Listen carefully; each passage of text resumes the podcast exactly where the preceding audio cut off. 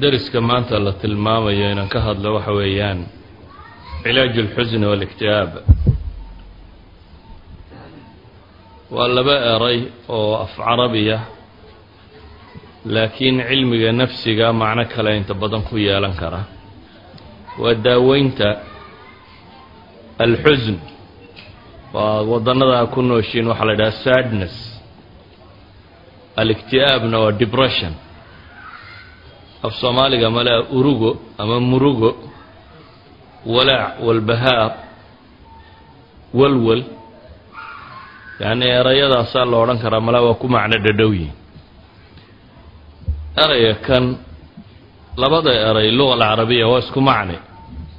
Waa kale xeel dheeryinuun xusnigu waa murugo ikti'aabkuna waa murugo laakiin fi shidda walmudda zamaniya bay ku kala gedisan yihiin ikti'aabku waa murugo ka weyn xusniga xagga wakhtiga ay joogayso iyo marka loo eego xagga xoog badnida ama inta ay ka xoog badantahay ta kale. Luqada carbeed xasina arajulu xusnan wa xasinan yacni waa murugooday weeyaan. Ka'iba arajulu ay tagayarat nafsuhu wainkasarat min shiddati alhami waalxusn waa naftiisaa burburtay murugo daraaddeed iyo urugo iyo uurxumo walidalik baa dhulka oo kale waxay idhaahdaan ikta'aba wajhu اlardi ay tagayara wadaraba ila sawaad xusnigu markaynu dib ugu soo noqonno markaa murugadu waa caatifa ka mida alcawaatif اlinsaaniya yacni waxay idhahdaan qofka bini aadamkii cawaatif buu leeyahy iska soo horjeeda oo uu ku muujiyo mashaacirtiisa ama dareemadiisa. Cawaatiftaasi ha ahaadaan maalan cadho baqe farxad rayrayn raalli ahaanshiiyo firdhasho. Waa cawaatif qofka bini aadamka ah ka soo fusha walidaalika cawaatiftu dhammaantood ilaahay baa ku abuuray qofka maalan masalada tan ilaahay qur'aanka wuxuu ku leeyahy wa annahu huwa adxaka wa abka rabbi subxaanahu wa tacaala isagaa wax ka qosliya oo ka oohiya idan waxaan leenahay asli lmas'ala xusniga iyo murugada iyo ikti'aabku asluhaa waa min fitrati اlinsaan ama qofka bini aadamkaa abuurkiisa ayuu ka mid yahay ilaahayna qur'aanka wuxuu ku tilmaamayaa qulna hbiطuu minha jamiica faima yaatiyannakum minii huda faman tabica hudaaya falaa khawfun calayhim walaa hum yaxzanuun. Aadam iyo intii la socotay markii laga soo saaray jannada waxaa la yidhi dhulka u daadega haddii hanuunu xaggayga idinka yimaada baa ilaahay yidhi subxaanah wa tacaala cidda raacda hanuunkaasi falaa khawfun calayhim walaa hum yaxzanuun baqa korkooda ma ahaanin murugana korkooda ma ahaanin siiba cidda rumaysay maalinta qiyaamaha yowma alqiyaama baqe iyo muruga toona qofka korkiisa ma aha muslimka ilaahay subxaanah wa tacaala qur'aanka in badan buu markaa xusniga kaga warramaya isagoo shay fitriya ah yacquub iyo murugadiisii baa ilaahay qur'aanka kaga warramay muuse hooyadii iyo murugadeedii baa ilaahay qur'aanka kaga warramay bale nebiga calayhi salaatu wasalaam iyo murugooyin soo maraa ilaahay qur'aanku tilmaamaya oo mararka qaarkood laga reebayo walaa yaxzunka aladiina yusaaricuuna fi lkufr inahum lan yaduru allaha shaya yuriidu allahu an laa yajcala lahum xadan fi laakhira walahum cadaabun cadiim. Ilaahay subxaanah wa tacaala isagoo nebi moxamed la hadlaya calayhi salaatu wasalaam ayuu wuxuu leeyay yay ku murugo gelinin dheeraynta ay u dheeraynayaan xagga gaalnimada. Ilaahay waxba ma yeeli karayaane ilaahay baa wuxuu rabaa subxaanah wa tacaala inaanay xad ama dheef ku yeelanin aakhiro. Lacallaka baaqicun nafsaka anlaa yakunuu mu'miniin. Ama kii ilaahay uu abibakar id yaquulu lisaaxibihi laa taxzan in allaha macana asli lmas'ala ikhwatii markaa waxaynu leenahay xusniga murugaa la yidhaahdaa laakiin murugadu hadday xadkeeda dhaafto xanuun bay isu beddeshaa. Xanuunka marka ay isu beddesho xanuunkaas baa la yidhahdaa depression ama igti'aab la yidhaahdaa. Waa qofka oo murugada hilmaami waaya oo dabeetana psychologically fikirkiisu isbeddelo oo ay xad xanuun ku gaadho. Culammada badh waxay yidhahdaan erayada ah hamiga iyo hamiga iyo xusnigu waa saddex erayoo isku macno ah laakiin wakhtigay ku kala gedisan yihiin bay yidhaahdaan. Xusniga waa murugo wax tegaya hamiguna waa wax markaa ku haysta murugada ka taagan. Humuumta iyo khawfkuna waa waxa soo socda ee mustaqbalka ku saabsan. Laakiin culamaa'i nafsi qaybo ka midii waxay leeyihiin maya hamiga iyo hamigu waa natiijo ka dhalata xusniga ama murugada ka dhalata. Si kale haddaanu tilmaamo adduunka aynu ku nool lahay. Waa meel loogu talagalay in laynagu itixaamo. Waa meel cidhiidhi iyo dhib iyo wax ku cadhogeliya ay buuxaan. Waana waxyaabaha jannadu ay kaga gedisantahay adduunka. Jannadaa ilaahay wuxuu ku tilmaamayaa laa yamasuhum fiiha nasabun. Inaan wax dhibi dadka haleelaynin oo dhibi ku soo gaadhaynin lagana soo baxaynin bale inaada eray ku dhibo maqlaynin. Laa yasmacuuna fiiha lagwan walaa ta'hiiman ilaa qiilan salaaman salaama. Amaa adduunka adduunku waa mucaanaa. Waa mashkilad waa rabshad. Ilaahay baa qur'aan ku leh laqad khalaqna alinsaana fii kabad. Qofka bini aadamkaa waxaanu ku dhex abuuray beer xanuun baa la leeyahy yaa ayuha alinsaanu innaka kaadixun ilaa rabbika kadxan famulaqiih haddaba maadaama adduunku mashaakilkiisu tiro badan yahay waxa isweydiinta le waxa weeyaan qofku siduu ula kulmayaa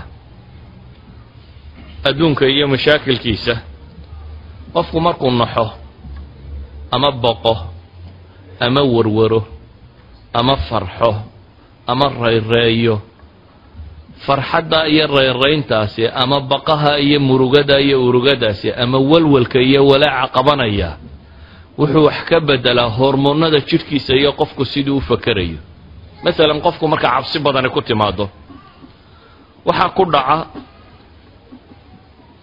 qanjidhadiisa qaybo ka midi waxa ay soo daayaan hormoonno ama muudad dheecaamo dheecaamadaasoo central nerve systemkaaga ama dareemayaasha guuda qofka bini aadamka uu leeyahay awaamir siiya oo tilmaamo markaa matalan qofku in dhiig garaaciisa uu dheereeyo daqdiga damiku inuu kor u kaco beerku inuu sukar badan soo daayo muruqyada in dhiigyo badan la siiyo caloosha in dhiigga laga joojiyo dheefshiidkaba shaqada ay joojiso waayo qofku inuu ama dagaalamo ama cararo ama ayaa jidhka loogu talagalay. Sidaa daraaddeed waa inuu helaa muruqu sonkor badan oo uu burburin karo si uu shaqo badan u qaban karo waa inuu helaa dhiig badan oo soo gaadhi kara naxdinta aad naxday markaa waxay bedelaysaa jidhkaagu siduu u shaqaynayay farxadda aad faraxdaa waxay bedelaysaa jidhkaagu siduu u shaqaynayay.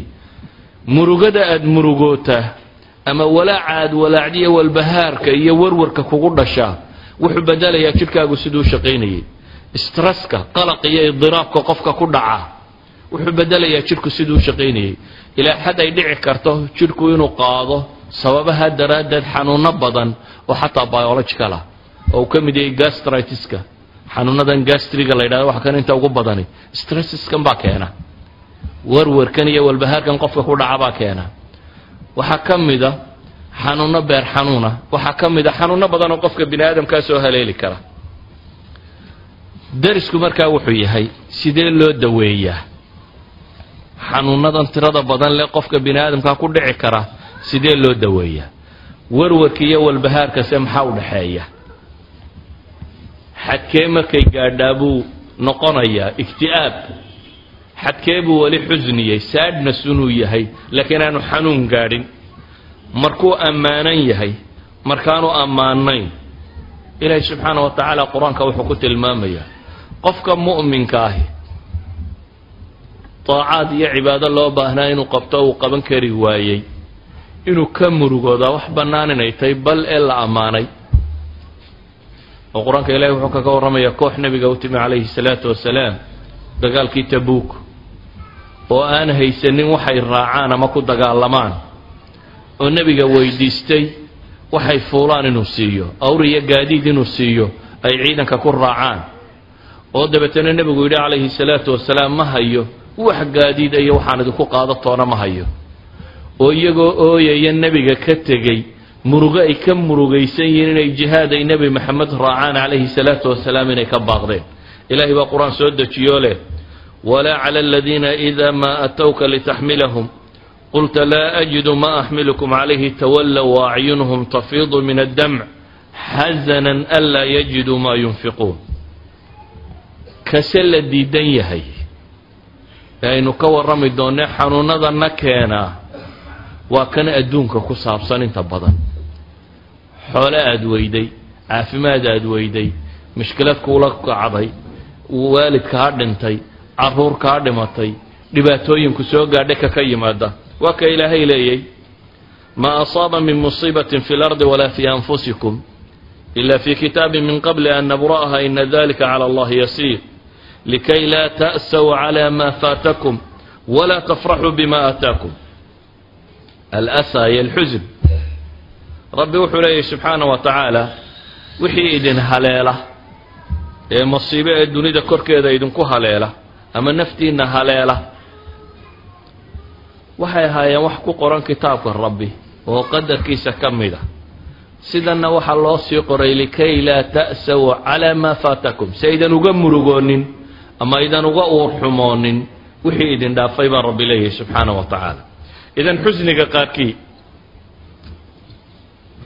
xusniga qaarkii waa shay maxmuuda ama la ammaanay. Xusniga qaarkiina waa shay madmuuma ama se la caayay. Nebiga calayhi salaatu wasalaamna waxa uu tilmaamayaa axaadiis badan murugooyin soo maray. Murugooyinka matalan qaarkoo kooban haddaynu ka tilmaamno sida xadiidka bukhaari warinayo kale markii nebigu calayhi salaatu wasalaam uu daa'if qabtay reer maka markay diinta ka dhegaysan waayeen ee uu raadceeyey meel kale inuu tago oo bal diinta lagaga dhegaysto. Ee reer daa'if haqiif uu u tegey. Ee reer haqiifna ay dumar iyo carruur iyo wax magarato ku direenee dhagax lagaga soo saaray. Ee nebigu isagoo dhiiggu ka da'aya haddana dib uu uga soo noqday. Ayaa nebigu wuxuu leeyahy calayhi salaatu wasalaam faاnطalaqtu waana mahmuumun calaa wajhi falam astafiq ila waana biqarni hacaalib waan dhaqaaqay buu nebigu leeyahy calayhi salaatu wasalaam anigoo murugaysan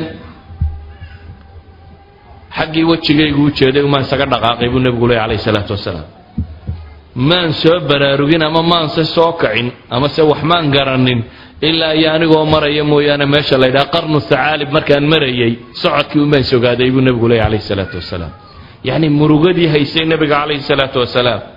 Markaasaan madaxa kor u qaaday buu yidhi markaasaan arkay malakul jibriil oo korkayga taagan oo dabeetana la ii yeedhayo oo la farayo in malaga buuraha ilaahay u soo diray oo haddii uu rabo buuraha kan rabbi intuu gooyo in korka laga saarayo duulalka kan ou nebiguna calayhi salaatu wasalaam leeyay maya weli rajaan qabaa waxaan ka rajo qabaa dhabarkooda in ilaahay ka soo saaro kuwa ilaahay caabudo. Qolo gaaleed buu laxajeclo ka qabaa weli nebi moxamed calayhi salaatu wasalaam markaasu wuxuu leeyahy waxaan rajo ka qabaa dhabarkooda in alla ka soo bixiyo qaar rabbi caabuda.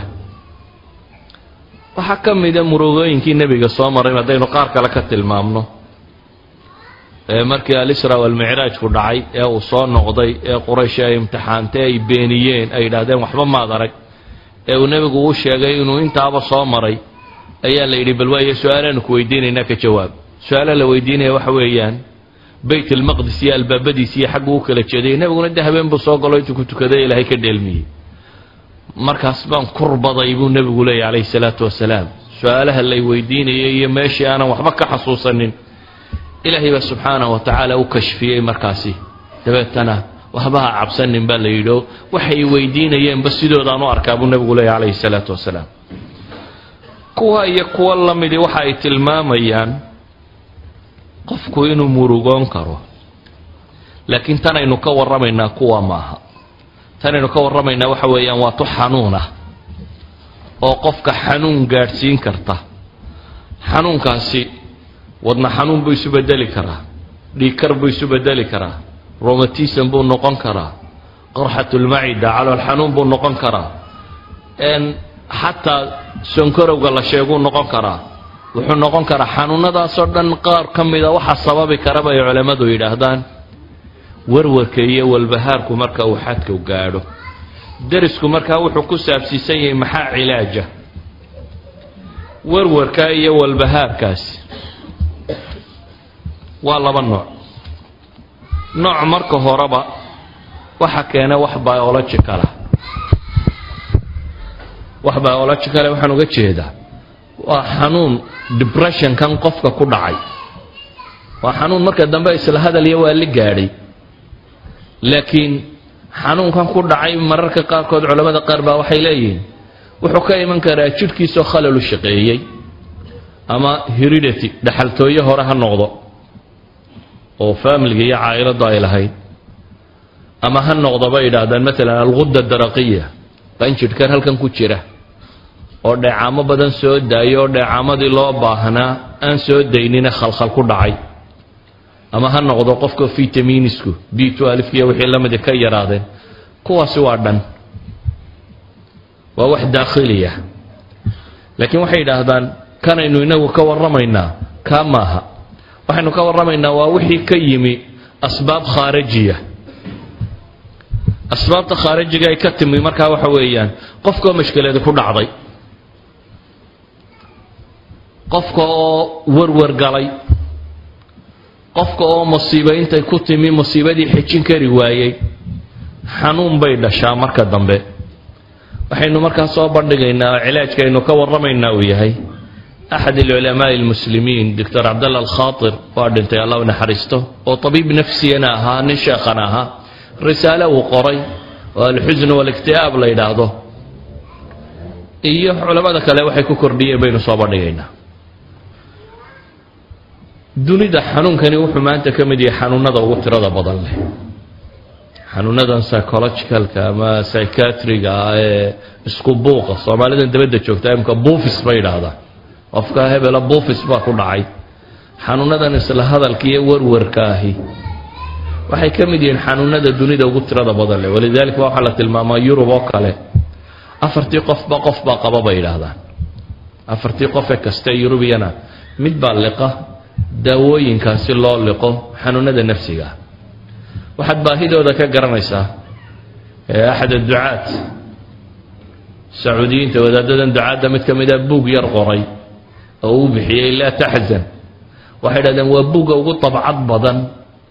Ee af carabi ku qoran saddex milyan oo nuskaa laga iibsaday. Wadaadkiiba halkaa buug buu ka taajiray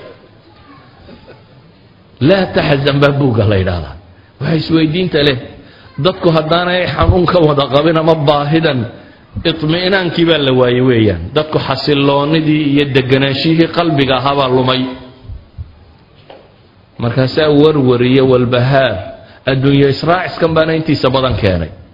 Maxaa cilaaja baynu leenahay marka? Maxaa dawaa ugu horreyn leenahay kitaabka qur'aan iyo sunnada nebiga calayhi salaatu wasalaam. Wiqaayo iyo cilaajba uu ku soo arooray. Wax lagaga dhowrsado warwarka iyo walbahaarkaasi wuu ku soo arooray. Oo marka horeba dafciya. Oo qofka laasima aanu ku dhacaynin in shaa allahu tacaala. Kaa khaarijiga aynu ka warramayno waxaa kaloo ku soo arooray wax la yskaga daweeyo oo qur'aan iyo xadiidba leh. Dhowr qodob baynu markaa tilmaamaynaa. Qodobka koowaad waxa weeyaan waa caqiidada islaamiga. Qofka muslimkii uu ka warwariyo walbahaar yaryay qofka aan muslimka ahayn. Caalamulislaamina wuu ka yaryay isagoo ka mashkilad badan haddana wuu ka xanuun yaryay marka loo eego xanuunada warwarka iyo walbahaarka ku saabsan. Iyadoo ay ahayd inuu maadaama uu mashaakilka yaalla ka tiro badan yahay uu ka tiro bato ayuu haddana ka yaryay baynu leenahay. Sababtu waa maxay? Sababta koowaad waxaynu leenahay waa masalat alqada'i walqadar. Qofka mu'minkii wuxuu rumaysan yahay oo caqiidadiisa ka mid ah alqada walqadar wuxuu raalli ku yahay ilaahay qadihiis iyo wixii uu qoray wixii dhaca wuxuu garanayaa wax rabbi qoray inay ahayd. Waana ka nebigule calayhi salaatu wasalaam waclam ana alumma low ijtamacat an yanfacuuka bishayin lam yanfacuuka ila bishayin qad katabahu allahu lak. Dad oo dhamme hadday isu tagaan oo rabaan inay ku anfacaan kuguma anfici karaan wax rabbi kuu qoray mooyaane. Hadday isu wada tagaan oo rabaan inay ku dhibaanna kuguma dhibi karaan wax rabbi kuu qoray mooyaane. Waataynu aayadda hadda soo akhrinaynay ma asaaba min musiibatin fi lardi walaa fi anfusikum ila fi kitaabin min qabli an nabra'aha ina dalika cala allahi yasiir wixii balaayaba dhacaba ilaahay yidhi horaan u qoray waana ilaahay agtiisa wax ka fudud maxaa sidaa loo yeelay likay laa ta'saw calaa maa faatakum baa ilaahay leeyay si aydan uga murugoonin oo uga warwarin oo uga walbahaarin wixii idin dhaafay walaa tafraxuu bima aataakum sidaydan ugu kibrin oo u qooqin wixii uu idin siiyo hadduu ku siiyana inaad aayar ilaahay u mahad celiso waanad qooqin berriba way lumi kartaaye. Haddaad weydana inaad waxba murugoonin waad tidhahdaa alxamdu lilaahi calaa kulli xaal. Ilaahay aada mahadiso subxaana wa tacaala. Idan waa dawo. Qofka mu'minka ahi carruur ka dhimatay xaas ka dhintay shaqo uu waayey makaano uu waayey warwarkiiyo walbahaarka ay ku abuurtaa xanuun kuma noqdo. In western society wadannada reer galbeedka waxaa caanka ah recessioniskan dhaqaale markay dhintaan intaas oo dad aba isdila waayo boorsadii baa khasaartay uu lacagta gashaday dabeetana waxaa la maanta waxaa isdilay intaasoo dad ah. Sababtu waa maxay? Boorsadii lacagta khasaartay. Meelahan suuqyada lacagta. Markabu soo raraabaa degay inay waashaan oo dhakhtarka la dhigo iyo inay isdilaan labada midubaabay noqotaa. Inuu cows kaga siiyo oo intixaar uu sameeyo suicide iyo in waali dhakhtarka lala dhigo. Ama qofka muslimka ahi inkastoo ay xanuun ku beerayso hanti uu waayey ama qof uu jeclaayo ka geeriyooday ama kan laakiin durbadiiba wuxuu rumaystaa. In rabbi qadaray dabeetana wax weyn kuma noqoto alqada walqadar iimaanka la rumeeyaa markaa wax badan buu ka taraa. Shayga labaad aynu leenahay wax badan buu ka taraa waxa weeyaan aliimaanu bilyowmi alaakhir oo qofka mu'minka ahi wuxuu rumaysan yahay wax kastooo dhibo oo la timaada adduunkuba inuu wax yar yahay oo macno badan aan lahay. Wax qiimale markaad weydaabaad dee la naxaa. Laakiin adduunka gebigiiba nebigu wuxuu leeyay calayhi salaatu wasalaam low kaanat addunya tacdilu cinda allahi janaaxa bacuuda ma saqaa kaafiran minha shurbata ma xadiidkii imaamu tirmidi warinaya sheekh alalbaanina saxiixa ku tilmaamayo adduun dhammaantiiba ilaahay agtii hadduu garab kaneeca ka leegyahay kaneecaa la qaybqaybiye kaneecaana walba wax faa'iido lahayn. Ayaa haddana la qaybqaybiye waxaa la tilmaamay garabkeed. Adduun dhammaantii baa la yidhi hadduu kaneeco garabkeed ilaahay agtii ka joogo. Qiimayntaa leeg hadduu ka leeyahay gaal koobiyaa kama siiyeen gaal lagama waraabiyeen idan qofka mu'minkii wuxuu rumaysan yahay adduunkuba qiimo loo warwaro wax garab kaneeco ka yar dee looma waasho. Saa daraaddeed qofka mu'minkahi wuxuu rumaysan yahay aakhiro. Walidalik buu nebigu wuxuu leeya calayhi salaatu wasalaam xadiid kale imaami tirmidi warinayo ee isna sheekh alalbaani saxiix ku tilmaamayo man kaanat alaakhiratu hamma. Ninka warwarkiisu aakhiro yahay ilaahay subxaana wa tacaala jacala allahu ghinaahu fii qalbih ilaahay haninimadiisa qalbigiisu yeelaa haninimadu waa qalbiga. Maaha gacanta waxa ku jira. Gacanta waxaa ku jira marar badan iimaan la'aan unbaaba laga sii qaadaa. Hunguri. Soo dunida ma ogid ka bilyanka haystaa bilyan kalu raadinayaa de bilyankiisu uma muuqdo. Qofka bini aadamkii inta badan inta gacantiisa ku jirta iyo mashruuca uu ka fakerayo mar kasta mashruucu ka fekeraya weyn. Haddaad kun dollar haysato waxaad ku jirtaa broject toban kun oo dollara baad wadwaddaa markaasaad sileedahay talow sagaalka kale yaa ku dara. Waa dukaan aada u fiican baad dhigan lahayde ka toban kun haystaa mashruuc boqol kunu ku jira. Ka mashruuca boqolka kuna haystaa wuxuu wadaa mashruuc milyana. Idan qofka bini aadamkii hantida jeebkiisa ku jirta marnaba kuma filla waa ilaa dee dadka inta dheregtaa way iska seexan lahayd haddii kale. Duu ku filan yahay. Dad badan baa odhan lahaa war wixii aan cuni lahaa intaan ka dhimanayo waan haystaa ee waan igu iska fadhiisanaya. Waxba daali maaye. Laakiin bini aadamku waxay ka maaha. Walidalik baa nebigu calayhi salaatu wasalaam wuxuu leeyay ninka aakhira hamigiisa tahay haninima ilaahay qalbigiisa yeelaa wixii ka kala daadsan oo dhan ee adduunyana ilaahay waa u soo ururiyaa. Ninka adduunyo hamigiisa ka dhigtana faqri baa labada indhood loo saaraa buu nebigu yidhi. Adduunna waa ka kala yaaca uno waa raadcadeedunbuu ku jira. Ma joogo. Idan qofka mu'minka aakhiro rumaysani adduunkan hadduu wax ka waayo ama wax dhinac maraan ama wax ka xumaadaan wuxuu rumaysay in ilaahay aakhiro ay ka weynto u aakhiro raadcaynayo. Waxaa ka mid ah masaa'ilka caqadiga ee qofku inuu itmi'naan qalbiga ku dhaco keena aliimaan biasmaa'i illaahi wa sifaatih ilaahay magacyadiisa iyo sifaatkiisa waa wanaagsan rumaynta la rumeeyo. Oo ah marka aad rumayso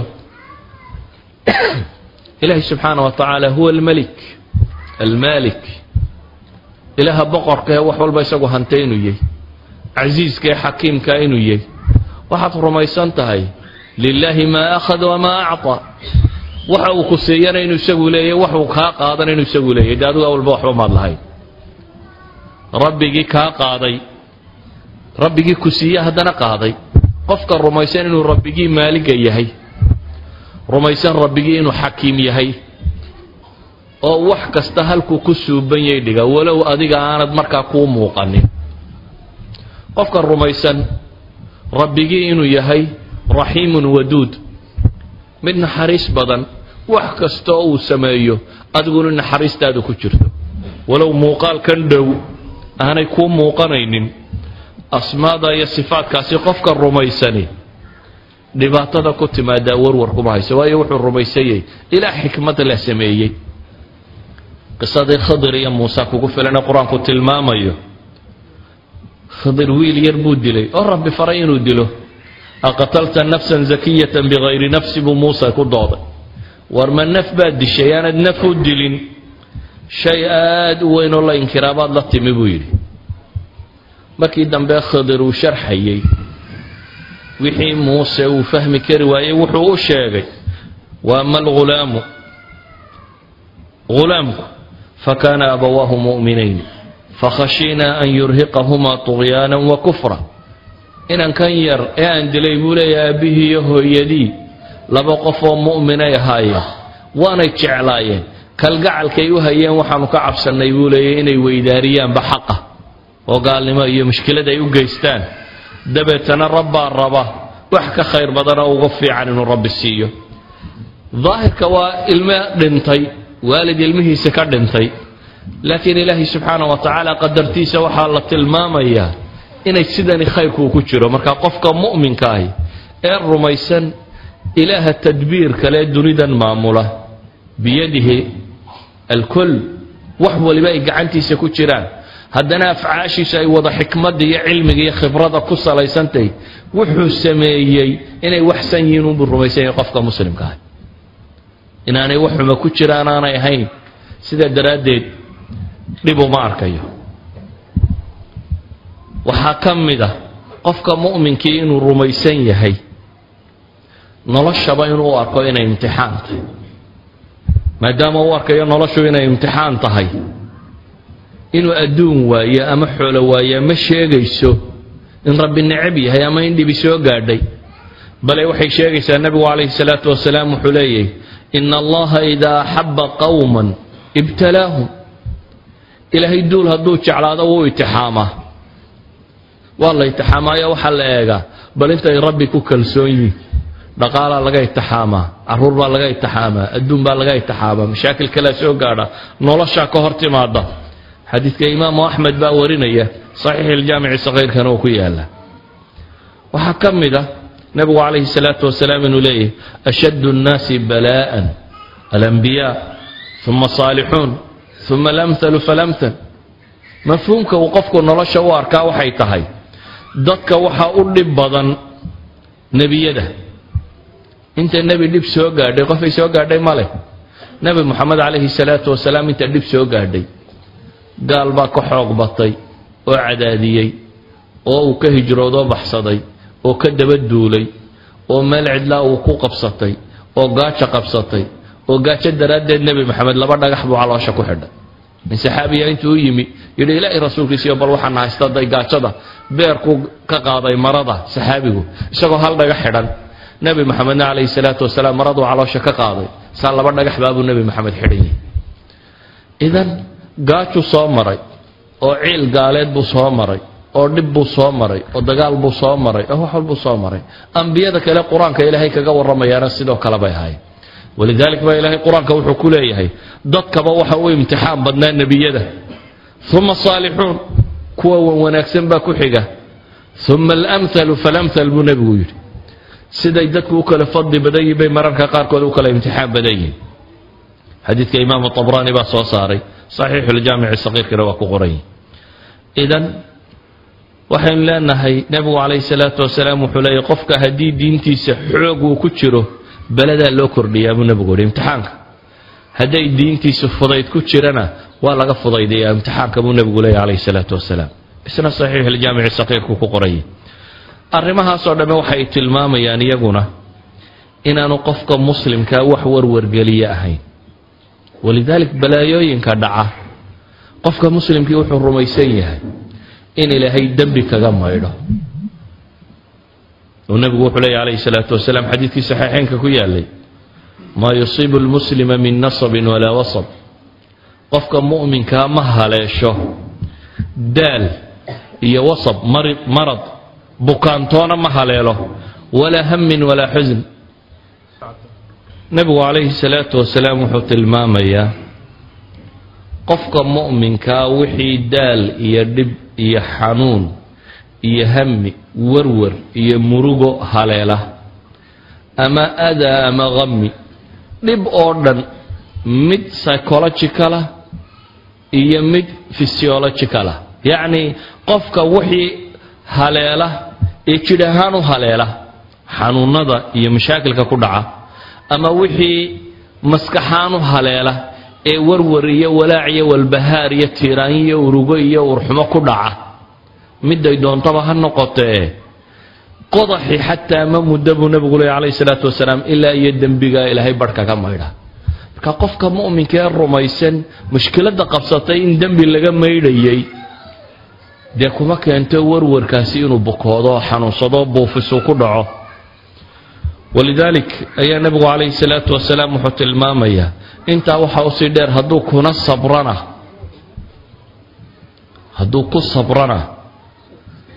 Innamaa yuwafa asaabiruuna ajrahum. Dadka sabra ajarkooda wuxuunbaa u oofinaya rabbigood isagoo ah baa la yidhi bikayri xisaab. Mid la koobi karo isagoo aan ahayn waa kii nebiga calayhi salaatu wasalaam haweenay madow oo suuxaysaa u timi. Cudurkan suuxdimaa la ydhaha qabta. Waxay tidhi ilaahay rasuulkiisiiyo waan suuxaa. Ilaahay ii bari inuu xanuunkan iga qaado. Nebigu wuxuu ku yidhi calayhi salaatu wasalaam haddaad rabtana rabbaan kuu baryi haddaad rabtana waabad iska sabriyo jannaad yeelan. Waxay tidhi oo xanuunka haddaad iskaga sabro janno haddaad ku sabrto jannaad helaysa. Bes ilaahay rasuulkiisiiyo waa sabrayaa bay tidhi. Xanuunkaygaan iska qabaya laakiin midh kale ilaahay iga bari. Marka aan suuxo ayay cawradaydu muuqataa. Ee inaan ilaahay cawradayda kashifin oo aanay muuqanin intaa un ilaahay ii weydiy nebigu calayhi salaatu wasalaam intiibuu ilaahay u baryay saxaabadu waagii dambe waxay odhan jireen qofka raba qof ahlu janna inuu arko buu ibnu cabaas odhan jiray. Islaantaa madoobe halkaa fadhida arag islaantani waxay janno ku mutaysatay. Waxay aqbashay imtixaankii alla imtixaamay inay ku sabirto iyadoo aakhiro ajar ku raadinaysa imtixaankii ilaahay imtixaamay. Innaga waxa laga yaaba dhammaanteen xanuun yara hadduu inagu dhaco. Calacalka iyo warwarku inuu inaga tiro bato. Stress iyo qalaqa inuu inagu rido. Laakiin nebigu calayhi salaatu wasalaam wuxuu leeyahy haddaad ka sabirtid ajar baad leedahay. Waxaynu sheegaynoo dhammi waxa ay tilmaam ka yihiin masaladuu nebigu yidhi calayhi salaatu wasalaam cajaban liamri lmu'min. Qofka mu'minkaa arrinkiisaaba yaab le buu nebigu yidhi. Waayo arrinta qofka mu'minka oo dhammi waa wada khayr. Cid kaloo arrinkaasi u sugan yahayna ma jiro. Waayo hadduu badhaadho iyo barwaaqi iyo nabad helana waa mahadnaqa haddii dhib iyo mushkiladii soo gaadhana waa sabraa arrinkiisuba markaa waa wada khayr buu nebigu leey calayhi salaatu wasalaam. Yacni adduunka intaad joogto waa mumtaxin baatay. Waxa lagugu itixaamo adigu dooran maysida ilaahay baa doora. Ilaahay baa kuu dooraya imtixaanku noocuyey adiga waxa ku saaran imtixaan kastoo yimaada noocu doonaba ha noqdee jawaabtii sax ahayd inaad bixiso. Adugu arday waraaq loo dhiibaa imtixaan la rabo inuu qoro. Imtixaanku noocu noqonayo dee macallinkaa soo doorto soo qora adiga inaad ka jawaabtaa lagaa rabaa. Adduunkan adiga waxaa lagu keenay in lagu itixaamo ibtilaa amaana imtixaankaagu noocu noqonayo ilaahay baa doora. Siduu ambiyadaba ugu dooray. Ambiyada qur'aanku wuxuu inooga warramayaa. Nebiyo boqora ah oo madaxa oo hantiyo xoole la siiyey oo dowladdana haysta oo nebiyana aya rasul.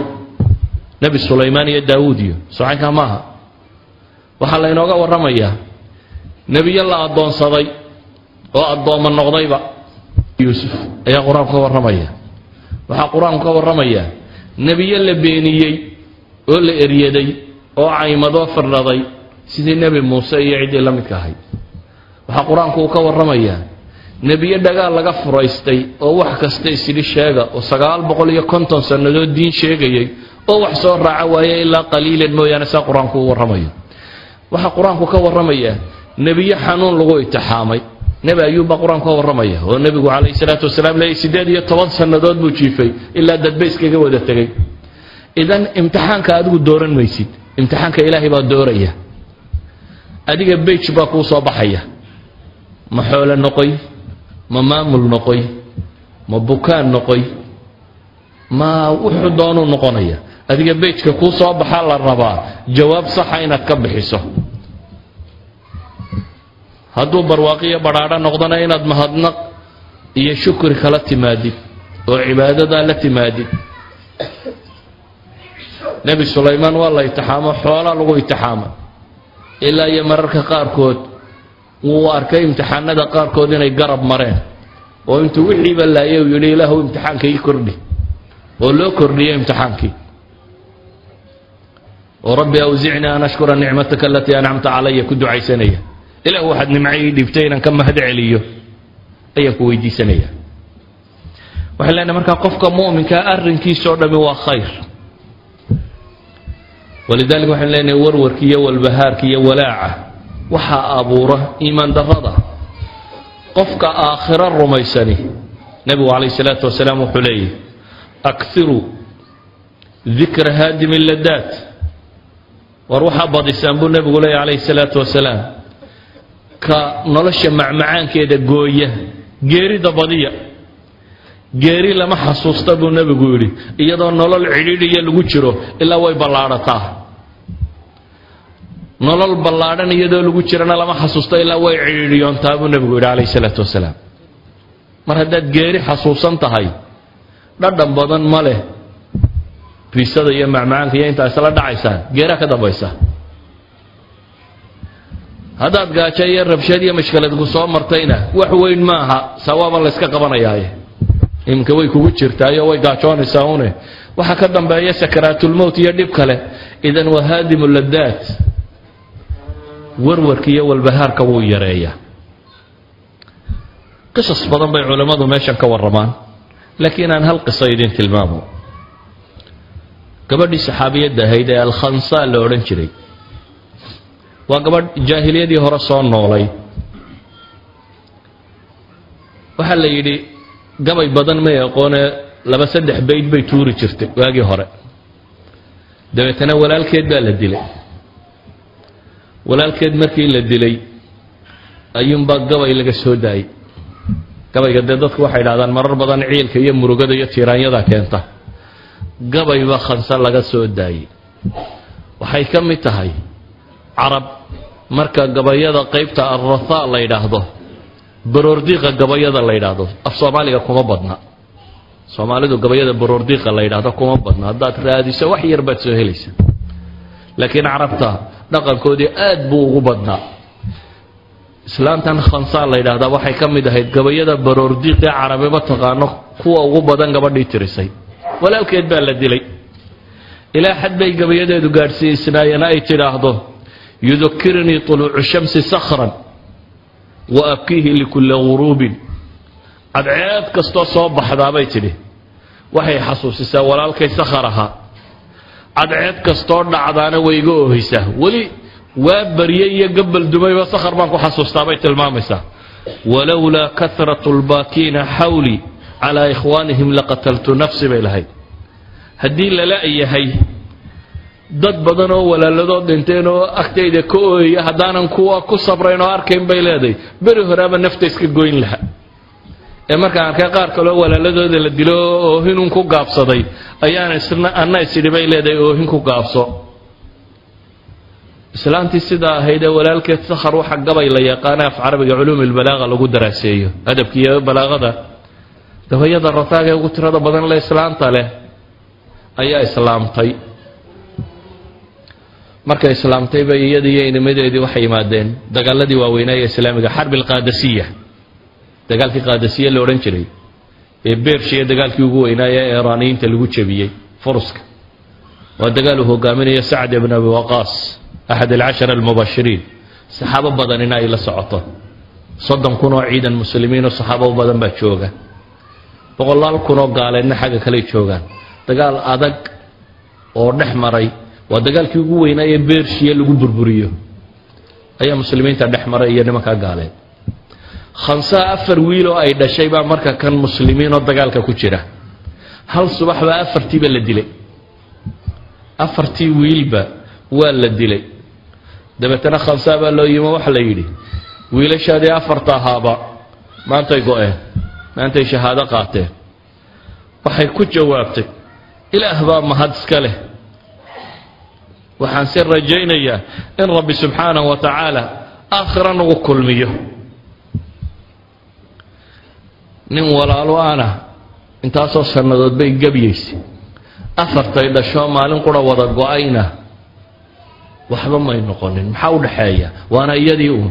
Habartu waa habartii islaamtu waa islaantii waxba iskama bedelin waxa isbedelay waxa isbedelay iimaan islaantu waa islaantii waa qof dumara dumarku way ka depressionka way kaga badan yihiin baa la ydhaha ragga mashaakilka way uga jilicsan yihiin. Waxaa kaloo la ydhahaa qofku markuu da sii gaadhaba mushkiladda uu uga jilicsan yihi oo ninka dhallinyaradii waxaa laga yaaba inuu idhaahdo weli jaanis baad haysataa. Laakiin nin lixdan sii maraya hadduu xoolo waayo. Waxaad moodaa inuu is leeyahay noloshu de wa iska soo gebagabay wakhtigaad xoogsan lahaydna soo dhaaftay way ku badataabaa la yidhaahdaa qofku markuu da-du sii weynaado iyadoo da-deedii soo kortay oo weli gabadhiya afar mar laga wada dilay. Markaasaanay waxba iska bedelin. Waxay leenahay sababta waxa weeyaan waa iimaanka qalbiga degay iyo caqiidada degtay. Qodobka koowaad markaa waxaan leenahay daawadaahi waa caqiidadoo qofku uu si fiican u fahmo. Qodobka labaad ee daawadaahi waxa weeyaan waa ataqwa waalcamal الsaalix ilaahay qur'aanka wuxuu ku leeyahay man camila saalixan min dakarin aw unhaa wahuwa mu'min. Qofka camal suuban sameeya ee lab ama dhadig ah isagoo mu'mina ah, falanuxyiyannahu xayaatan طayiba waxaanu noolaynaynaa baa ilaahay leeyahay nolol fiican. Walanajziyannahum ajrahum biaxsani maa kaanuu yacmaluun. Aakhirana wixii ay camal samaysteen baanu ka abaalmarinaynaa nolosha fiicani waa maxay bay yidhaahdaan. Culimmadu waxay yidhahdaan nolosha fiicani waa nolosha sacaadada idmi'inaanka leh. Waa nolol sheegaysa deganaanshiiyo. Inuu qofku deganaado oo aanu warwarin oo walaacin oo walbahaarin. Taa macnaheedu waxa weyaan qofku hadduu cibaadadiisu fiicnaato dikrigiisu bato ilaahay uu ku xidhnaado alaa bidikri illaahi tatma'inu alquluub ayaa ilaahay qur'aanka ku leeyahy ilaahay xuskiisa ayaa qalbigu ku xasilaa qofkii cibaadadiisa iyo khayrkiisu bataa u xasilaa waxaan leenahay waxyaabaha keensanaya in iimaanku in la daweeyo xanuunka kan waxaa ka mid a nebiga calayhi الsalaatu wasalaam camalkaas saalixa iyo iimaankaas iyo dikrigaas iyo aakhiro rumaynteedu wax badan bay beddelaan. Qofku adduunka siduu u arko axad alculamaa'i asaalixiin ibraahim ibnuladham nin la odhan jiray oo culammadii waaweyneed ka mid a sufyaan thawri iyo raggii la wakhtiga ahaa ka mid ah, ayaa wuxuu odhan jiray baa la yidhi ninkani reer lacag lu ka dhashay laakiin adduunkiiyo wixii intuu iskaga hijrooday oo ka yimi bariga fog ayuu xijaas iyo shaam iyo dhulkan buu iska yimi. Waxay yidhaahdaan wuxuu ahaan jiray dadka zuhdiga ama tasawufka u banbaxay oo ah mid kitaab iyo sunno ku salaysan oo saxiixa wuxuu isku dayi jiray inuu xamaasho isagaa xamaalan jiray dushiisuu ku xamaali jiray dadku beeraha u ilaalin jiray qoys lacaglu ka dhashay uu iskaga yimi waxaanu ahaabay yidhaahdaan nin aada u cibaado badan oo mustajaabi dacwa ah. Nin ay a'immada waaweynay markay arkaan waxay yidhahdaan jalsada uu fadhiyo sufyaan thawri markuu soo fadhiisto hadalka wuu joojin jiray bay yidhaahdaan. Amiiru lmu'miniina fi lxadiid ninkii ahaa. Ibraahim ibnulahdam waxaa la yidhaahdaa wuxuu odhan jiray weedhihiisa waxaa ka mid ah wallahi inana la fii nicma low yaclam biha almuluuku wa abnaa'u lmuluuk lajaaladuuna calayha bisuyuuf. Nicmaanu ku jiraa buu leeyahay ilaahay cabsidii iyo daacadii ayaanu ku jiraa iyo deganaanshiiyo hadday ogaan lahaayeen buuhi boqorrada iyo kuwa carruurta boqorradu dhaleen. Seef bay nugula diriri lahayen laakiin waanay garanayn buu leeyahy waxaanoo nicmaa. Adduun iyo xoolo iyo isku qabsi adduun iyo baabkaa uu ka tegey.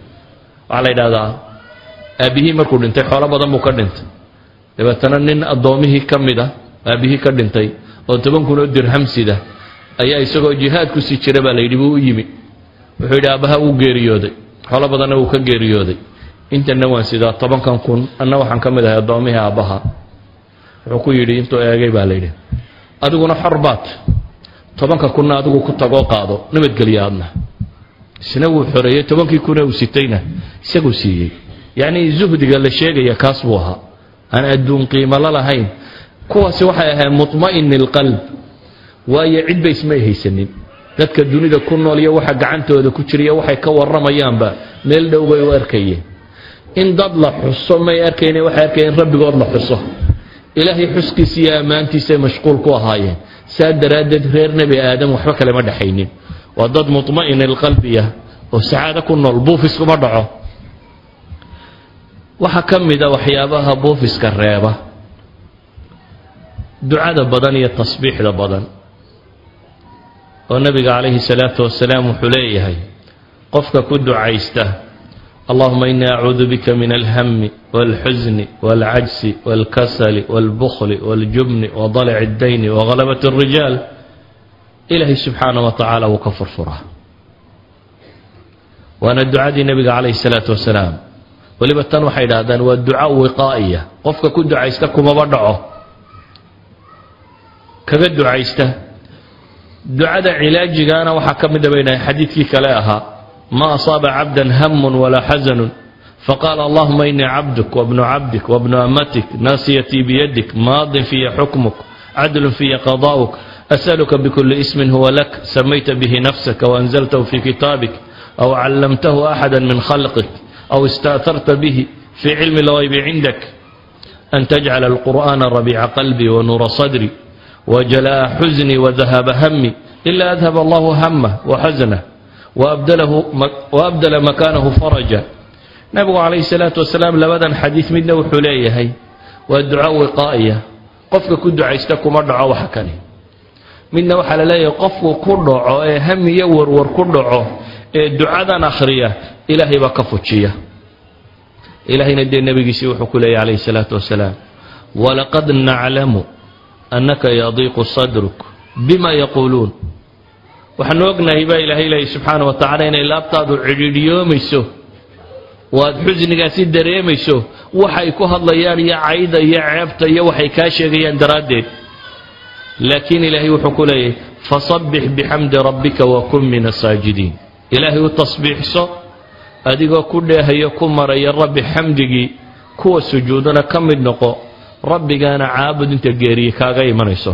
Taas baa ah ama weedhihii nebiyullaahi yuunus uu lahaa laa ilaaha illaa anta subxaanaka innii kuntu min aldaalimiin waxaasoo dhamme waxa weeyaan waa waxyaabaa lagu daweeyo. Waxaa ka mida bay culammadu yidhaahdaan inaad xasuusato adduunka aada ku nooshay dhib kastoo ku haysata mid kaa dhib badani inuu jiro. Qoladani cilaajka nafsigaa samaysa culimmada psychologiguna waxay idhahdaan waa cognitive bay idhaahdaan therapy. Waa qofka in la qanciyo amase inaad rumaysato aswa ilixtimaalaat qoladan dadka dawaysa psychiatriga iyo psychologigu dadkooda buka intay isugu yeedhaan meel ayuu dhakhtarku dhex fadhiistaa. Dabeetana mid walba waxaa la ydhaha dhibtii iyo mushkiladii ku qabsatay ka waran markay isaga warramaan qaarba qaar bay arkaan. Dabeetana qofbaa wuxuu is idhaahaa warile adiga waxba kuguma dhicin kuwanbaa balaaya qabsatay. Midba markuu mid kale balaayo ka sii weyn ka warramo. Waa ariiqay u cilaajiyaan dadka mardaaga ah ee ikti'aabku depressionku hayee loo keeno. Nabiguna calayhi salaatu wasalaam wuxuu inoo tilmaamay inaynu eegno adduunkan markaynu ku nool lahay. Dadka kaa liita saxaabadii u soo cabatay wuxuu ku yidhi khabaab ibnularat markuu u yimi ee uu yidhaahdeen ilaahay rasuulkiisiiyo nafti baa laysugu kaayo keenay ee maad ilaahay noo baridid maad ilaahay hiil iyo guul noo weydiisid. Nabigu calayhi salaatu wasalaam wuxuu ku yidhi war dadkii idinka idinka horreeyey midkiibaa inta la soo qabto oo god loo qodo lagu rido oo miishaar halka laga saaro ayaa laba loo kala goynayay waxaasina diintooda kamay celinayn yacni idinku waa iska nooshiino un waaba laydin yaro cadcadaadiye kuwa kan labaa loo kala goynayaa maadaama laba loo kala goynaya aanay diintooda ka celinaynin adigu de waa inaad intan yar u adkaysataa. Dabeetana markaasuu nabigu yihi calayhi salaatu wasalaam ilaahay baan ku dhaartay rabbi diinta tan wuu dhammaystiri. Ilaa iyo sanca qofku uu ka yimaado ilaa xadramoot isagoo aan ilaahay mooyaane cid kale ka baqaynin masaa'ilka aynu tilmaamayno dhamme waxay sheegayaan in qaabka loo daweeyo qaabo badan ay yihiin. Waxaa ka mid a baynu leenahay waxay gaaladu yaqaaniin peak theory oo ah noloshu weji kastoo xuno ay ku tusto weji fiicanna inay yeelan karto inaad aragto. Inaad ka eeginoo qura dhanka xun ama si kale haddaynu u tilmaamno nebigu calayhi salaatu wasalaam wuxuu leeyahay ka kaa hooseeya eeg unduruu ilaa man huwa asfala minkum haddaad adgu xanuunsanayso mid kaa xanuun daran unbaad arki. Haddii faqri ku hayo mid kaa liito kaa faqri badan baad arki. Ha eegin inta ku dhaanta ee inta badan waxaad u fiirsataa kuwa noloshoodu kaa liidato. Yacni waxa uu nebigu calayhi salaatu wasalaam inoo barayaa inaad eegto mid kaa hooseeya taa macnaheedu waxa weeyaan inaad ogaato mar walba nicmo inaad adigu haysato. Maalan qofka aan hantida haysan waxaa laga yaabaa inaad aragto mid aan hanti haysan oo caafimaad qaba. Laakiin haddaad weydiisa wuxuu ku leeya o maxaan caafimaadka ku haystaa? Derbigaasaan fadhiya gaajaan u liitaaye wuxuu arkaa inaan waxba qabin. Cagsigiisa waxaa laga yaabaa inaad aragto mid milyaneera oo inta macaan iyo barashar iyo balaayo o dham isugu timi wixiisii wax ka liqi karila oo dunida dabadeeda haddii dhakhtar lagu sheego la yidhaha waxaad haysataba keen waa lagu caafimaadinayaayo ogol hadduu kan caafimaadka qaba waxaa layna yidhi bal kuwa buka soo egta u dhakhtarka tago. Oo waxa dad jiifa iyo wax nin liita iyo wax mid maalqabeen aha naftuba haysato uu arko. Dadka hadduu waraysto oo yidhaahdo war bal warrama waxay odhan lahaayeen waxaanu haysano caafimaad waa siisan lahay. Markaasuu garan lahay in taaj saaran yihi laakiin aanu arkaynin waxay idhahdaan sixadu caafimaadku. Waa taaj kuwa caafimaadka qaba saaran. Mase arkaan kuwa buka mooyaane kuwa kale. Adigu waxa laga yaba inaad dayrinayso leedahay maxaan haystaa? Waad si caafimaad qabtaa. Waxaad haysataa caafimaad. Idan nolosha gebigeeduba waa sida. Qofka mu'minkaa waxaa la faray inaad eegto ka kaa liita iyo ka kaa hooseeya dhibta haysata. Bale dhibaatadaa dhib lagu daweeyaa hal qisaan idin tilmaami doonaa. Saxaabadii nebiga calayhi salaatu wasalaam waxaa ku dhacay dagaalkii bader way guulaysteen dagaalkii uxud way guulaysteen markii hore. Gaaladiina way jebiyeen way kala caymadiyeen waa kala carartay. Haniimadii iyo wixii bay gurteen. Iyagoo khaniimadii iyo wixii guranaya waa tii dhiftu dhacday ee saxaabadii buurta dambe ilaalinaysay rumaad ahayd intay iskaga yimaadeen is idhaahay khaniimada wax ka gurta. Khaalid oo gaalada la socduunbaa meel godoloola arko. Xagga dambuu soo maray muslimiintiibuu dhabarka kaga soo dhuftay. Mar labaad baa muslimiintii la jabiyey. Muslimiintii hadda guusha haysatay ayaa waxaa ku dhacay jab sheegaya in toddobaatan laga dilo.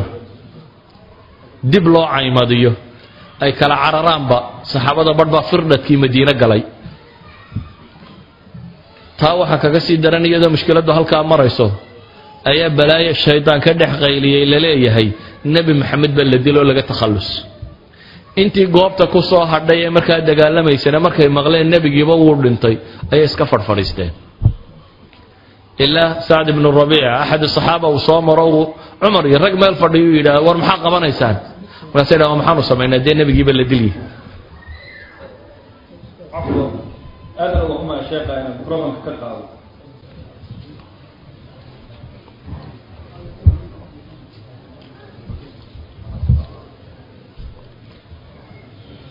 saxaabadii waxaasoo mushkiladii ku dhacday ilaahi subxaana wa tacaala siduu u daweeyey buu ka warramaya. Markii la yidhi nebigiina dhimaya iskaba farfadhiisteen. Ilaahay qur'aan buu soo dejiyey uu leeyahay waxaa rabbi tilmaamaya id tusciduuna walaa talwuuna calaa axad wاlrasuulu yadcuukum fii ukhraakum faasaabakum gama bigami likay laa taxzanuu cala ma faatakum walaa ma asaabakum wallahu khabiiru bima tacmaluun ilahay wuxuu leey waxaad xustaan markaa sii yaacayseen baa la yidhi aan nebiga cidiba dib u soo eegaynin ee uu nebiguna xagga dambe idinka yeedhayay rabbi wuxuu leeya wuxuu idinku abaalmariyey fa ahaabakum baa la yidhi hamman bihammin murugo murugo kala dul saaran baa laydinku abaalmariyey culammadu waxay dhahdaan murugada labaad. Waxay daawo u ahayd murugadii hore. Waayo fij'atan baa la tasxiix culamaai nafsi aayaddan markay sharxayan waxay leeyihiin saxaabadii markii hore way jabeen waa murugoodeen. Oo haziima ku dhacday. Mar labaad bay haddana murugoodeen. Markii la yidhi nebi maxamed ba dhibay. Tii hore waxay ku ilaabeen. Tan dambe oo nebigii baa dhintay baa la yidhi calayh salaatu wasalaam mar qura fij'atan waxaa caddaaday inaa nebi maxamed dhimane uu dagaalka joogo goobta taagan yahay. Dabeetana waa farxeen. Farxadday nebi maxamed ku farxeen waxay ilaabeen wixii hore oo dhan. Idan labada qami qamigii hore haziimada waxa ilowsiiyey baa la leeyahay qamigii dambe ah nebigii dhimay. Nebigii dhimay markay been noqotayna dib bay u farxeen. Waxa laga daweeyey xusnigii oo dhan. Walidalik baa ilahay leeyay likay laa taxzanuu cala maa faatakum. Fa ahaabakum baa la yidhi haman bihamin maxaa loogu abaalmariyey? Hamiga hamiga dul saaran likay laa taxzanuu cala maa faatakum baa ilah yidhi. Si laydinka masaxo tii hore oo wixii hore idinku dhacee mashkiladaha a u ilowdaan. Idan balaayooyinku way ismasaxaan iyadoo balaayo ku haysato mid kaa daran haddaad aragto taadii waad ilaabaysaa adigoo balaayo ka badan rajaynaya hadday yaraato maalan gaadha kula qallimay adiga iyo afartaadii carruuraba. Aad mi yarbaashay hadhow baad soo mirowda bal baad tidhi markaasaa lagu yidhi yararkii labaa dhintay. Waxaa laga yaabaa inaad tidhahdo alxamdu rabbi alcalamin waayo waxaad tilahayd afartiiba tage laakiin markaan laba qura waad haddii lababa soo hadhay ilan halkaad joogtay aad ka fakeraysa waxa ahayd inaad afartaba weydo. Laakiin haddii lagu yidhi war labaa weli kuu nool. Waxaa laga yaabaa inaad u aragto musiibadu inay khafiif tahay. Idan masaa'ibtu waxay yidhaahdaan culammadu badhba badhka kale waa lagu daweeyaa. Walidalik baa waxaa la leeyahay war dadka kale dhibtu haysta arka wakhtigoos ka yar daraaddeed waxaan ku soo koobaynaa. Waxyaabaha wax lagu daweeya waxaa ka mid ah xusnu dan qofka warwarkiiyo walbahaarkani ku dhaco marar badan mala xun buu qaataa. Dabeetana wax walba uu ka shakiyaa. Inaad maxmalka fiican saarto. Dhakhtar baad tagtay dhakhtarkii baad hore weyday waxaa laga yaaba inaad tidhaha inuu ila kulmaa baanu doonaynin. Ama ninkan waa isnacno inuu daweeye ma rabo. Wakhtigii waa gaadho waxaa laga yaabaa inuu faylkaagii waayo uu daydayayo waxaa laga yaabaa in gaadhigii uu soo socday traffic jam dhacyo meeshaba soo gaadhin. Waxaa laga yaaba waxaa laga yaaba xusnu danne haddaad ku xambaarto warwar kugu hayn mayso haddaad se mala xun markiiba sii qaadato warwar bay kugu reebaysaa. Walidalik baa ilahay wuxuu inaga nahiyey yaa ayuha aladiina aamanuu ijtanibuu kaiira min adann ina bacda danni iman waxaynu u baahannahay oo ka mida waxyaabaha nolosha lagu daweeyo dhibtu markay dhacdo sida loo tasarufo oo ah inaad u arag mushkilaadka wax weyn. Ee inaad u aragto shalay baa waxaan idiin tilmaamayay. Axadu saalixiin la yidhi nin baa la yidhi wuu ku xantay. Dabeetana sida caadiga ahayd waxay ahayd inaad cadhooto dee. Marka lagu idhaha waa lagu xamanayo qoladaasaa ku maagayso waa lagu hadalhayo waxaasay kaa sheeg sheegayeenoo dee waxaad odhan lahayd war waa layga taagla'ayay nimankaas? Duulkaasi waa duul layga taagla'ayay laakiin waxaan idhi intuu socday hadiyad qaaday ayuu u geeyey. Ninkii idhi niya waxaa lai sheegay. Waxaan u baahnaa maalinta qiyaamaha inaad tarto. Xasanaadkaagii baad qaybi siisay. Dee anna hadiyadda baan kuga abaalgudaya hadiyadda tan qaada buu ihi xantii wuxuu arkay inay tahay dee nin xasanaadkiisii wax ka bixinaya wixii uu shaqaystay salaadii iyo soonkiisii qayb ka miduu kuugu deeqay intuu ku xamanayay. Waayo aakhire waxaa la yidhi dee marka laysu soo tubo qof walba qofka kale waa looga goynayaa.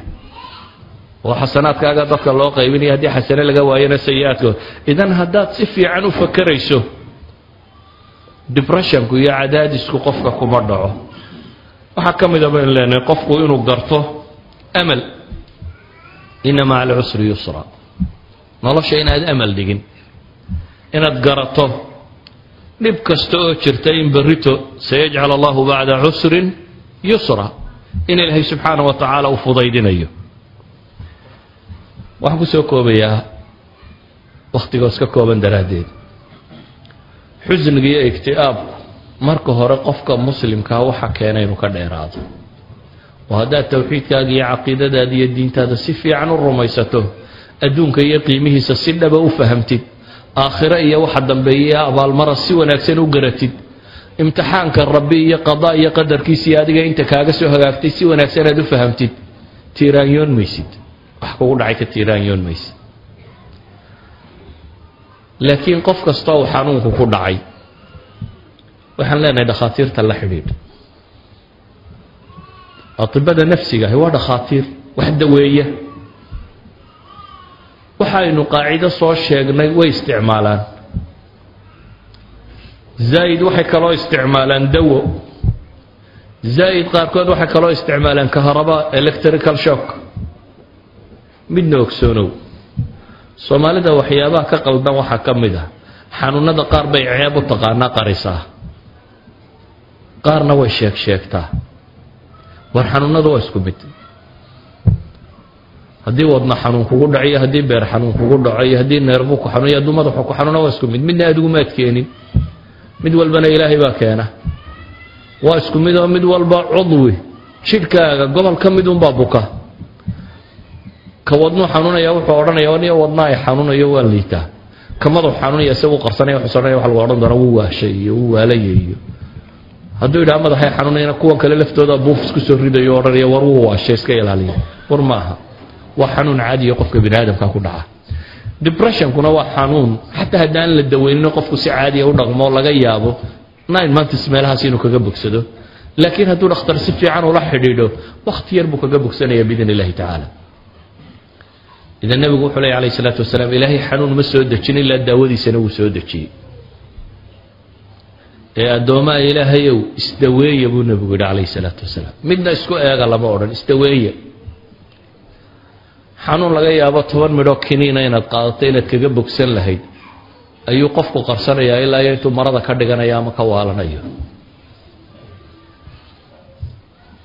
Ama wuu dafiraya isku dayayaa inuu yidhaahdo war ma xanuunsanayo. Waxaan idin kula talinayaa. Waa xanuun bini aadamka ku dhaca xanuunada kalena la mida. Kaa calool xanuunku hayo iyo kaa wadna xanuunku hayo iyo kaa beer xanuunku hayo iyo kaa maska xanuunku haya mid walba cudwi ka mida jidhkiisa xanuunaya. Midna isaguma keenin. Mid walibana daawuu leeyi mid walbana waa la daweyn karaa. Dhakhaatiirta madaxa dawaysaana maaha dad dadka darag u nacabsiiyo oo wax lagu waasho ama wax doqonkaa dhigaya ku siinay daawo caadiya. Idan waxaan idinkula talinaya waxa weeyaan. Kow qofka mu'minkii hadday masaa'ilkan khaarijiga iyo uu iska daweyn karaa laakiin kuwan iyo kuwa kaleba haddaad la tashato tabiibkaaga. Waliba khaasatan waxaan jeclaan lahaa tabiibka nafsiga inuu tabiib nafsi oo muslima noqdo. Waayo kaasaa garanaya sida aad u fakeraysa rasmiga. Maskaxdu hadday si qaldan u fakerto waxay soo daysaa awaamir qaldan. Ama qanjidhada jidhka ku jira dheecaamada soo daaya waxay soo daynayaan dheecaamo qaldan. Oo ama dheecaan loo baahnaa inuu soo baxaa baan soo baxaynin dabeetana jidhku siduu waxu maamulaya qaldamaya ama dheecaan quantity yar looga baahnaa buu jidhku dheecaan badan ka soo daynayaa. Dabeetana jidhku siduu u shaqaynaysaa qaldamaysa xanuunada nafsigii intooda ugu badan haddaad qarsatana xanuun cudwiyana way sameeyaan. Calool xanuun bay keenaan romatism bay keenaan wadno xanuun bay keenaan maxaa la yidhaha sonkorow bay keenaan blood pressure bay keenaan. Kullu dalik xanuun nafsigi wuu keeni karaa bay culammadu yidhahdaan marka intaad xanuun nafsiyo fudud iska dawayn lahayd hadhow yaad la eedaadin dhiikar kaadi macaan. Ama wadno xanuun yaad la eedaadin. Xanuunku waa isku wada mida waxaad u baahantihiin haddaad buufis dareento iyo haddaad buuq dareento haddaad seexan weydiyo hadday cadhadu kaa badato haddaad cadho badan dareento haddaad shaki badan dareento haddaad wax maqmaqasho sidii qof codaduun maqlaya ama in la xamanayo haddaad midaba aragto qof uun ishiisu mararka qaarkood dad khayru caadiya wax arkayaan marar badan baanay jibankan iyo waxaan isu sheegaysaan ahayn ay yihiin xanuun psychological oo u baahan inaad dakhtar tagto. Idan ikhwati fi lcaqiida ugu horeyn waxaan ku leenahay caqiidadaada saxo waa sax. Wardigaaga badiyo dikrigaaga laa ilaaha ila allah subxaana allah alxamdu lilah salliga nebiga badso waa lagu degaa. Cibaadaadkaaga badso. Rabbigaa kalsoonidiisa badi. Basharka iyo waxay walaaqayaan ilow. Intaa kadibna haddaad daawo u baahantahay isdaawee oo ayar dhakhtartag asalaamu calaykum waraxmat ullahi wabarakaatu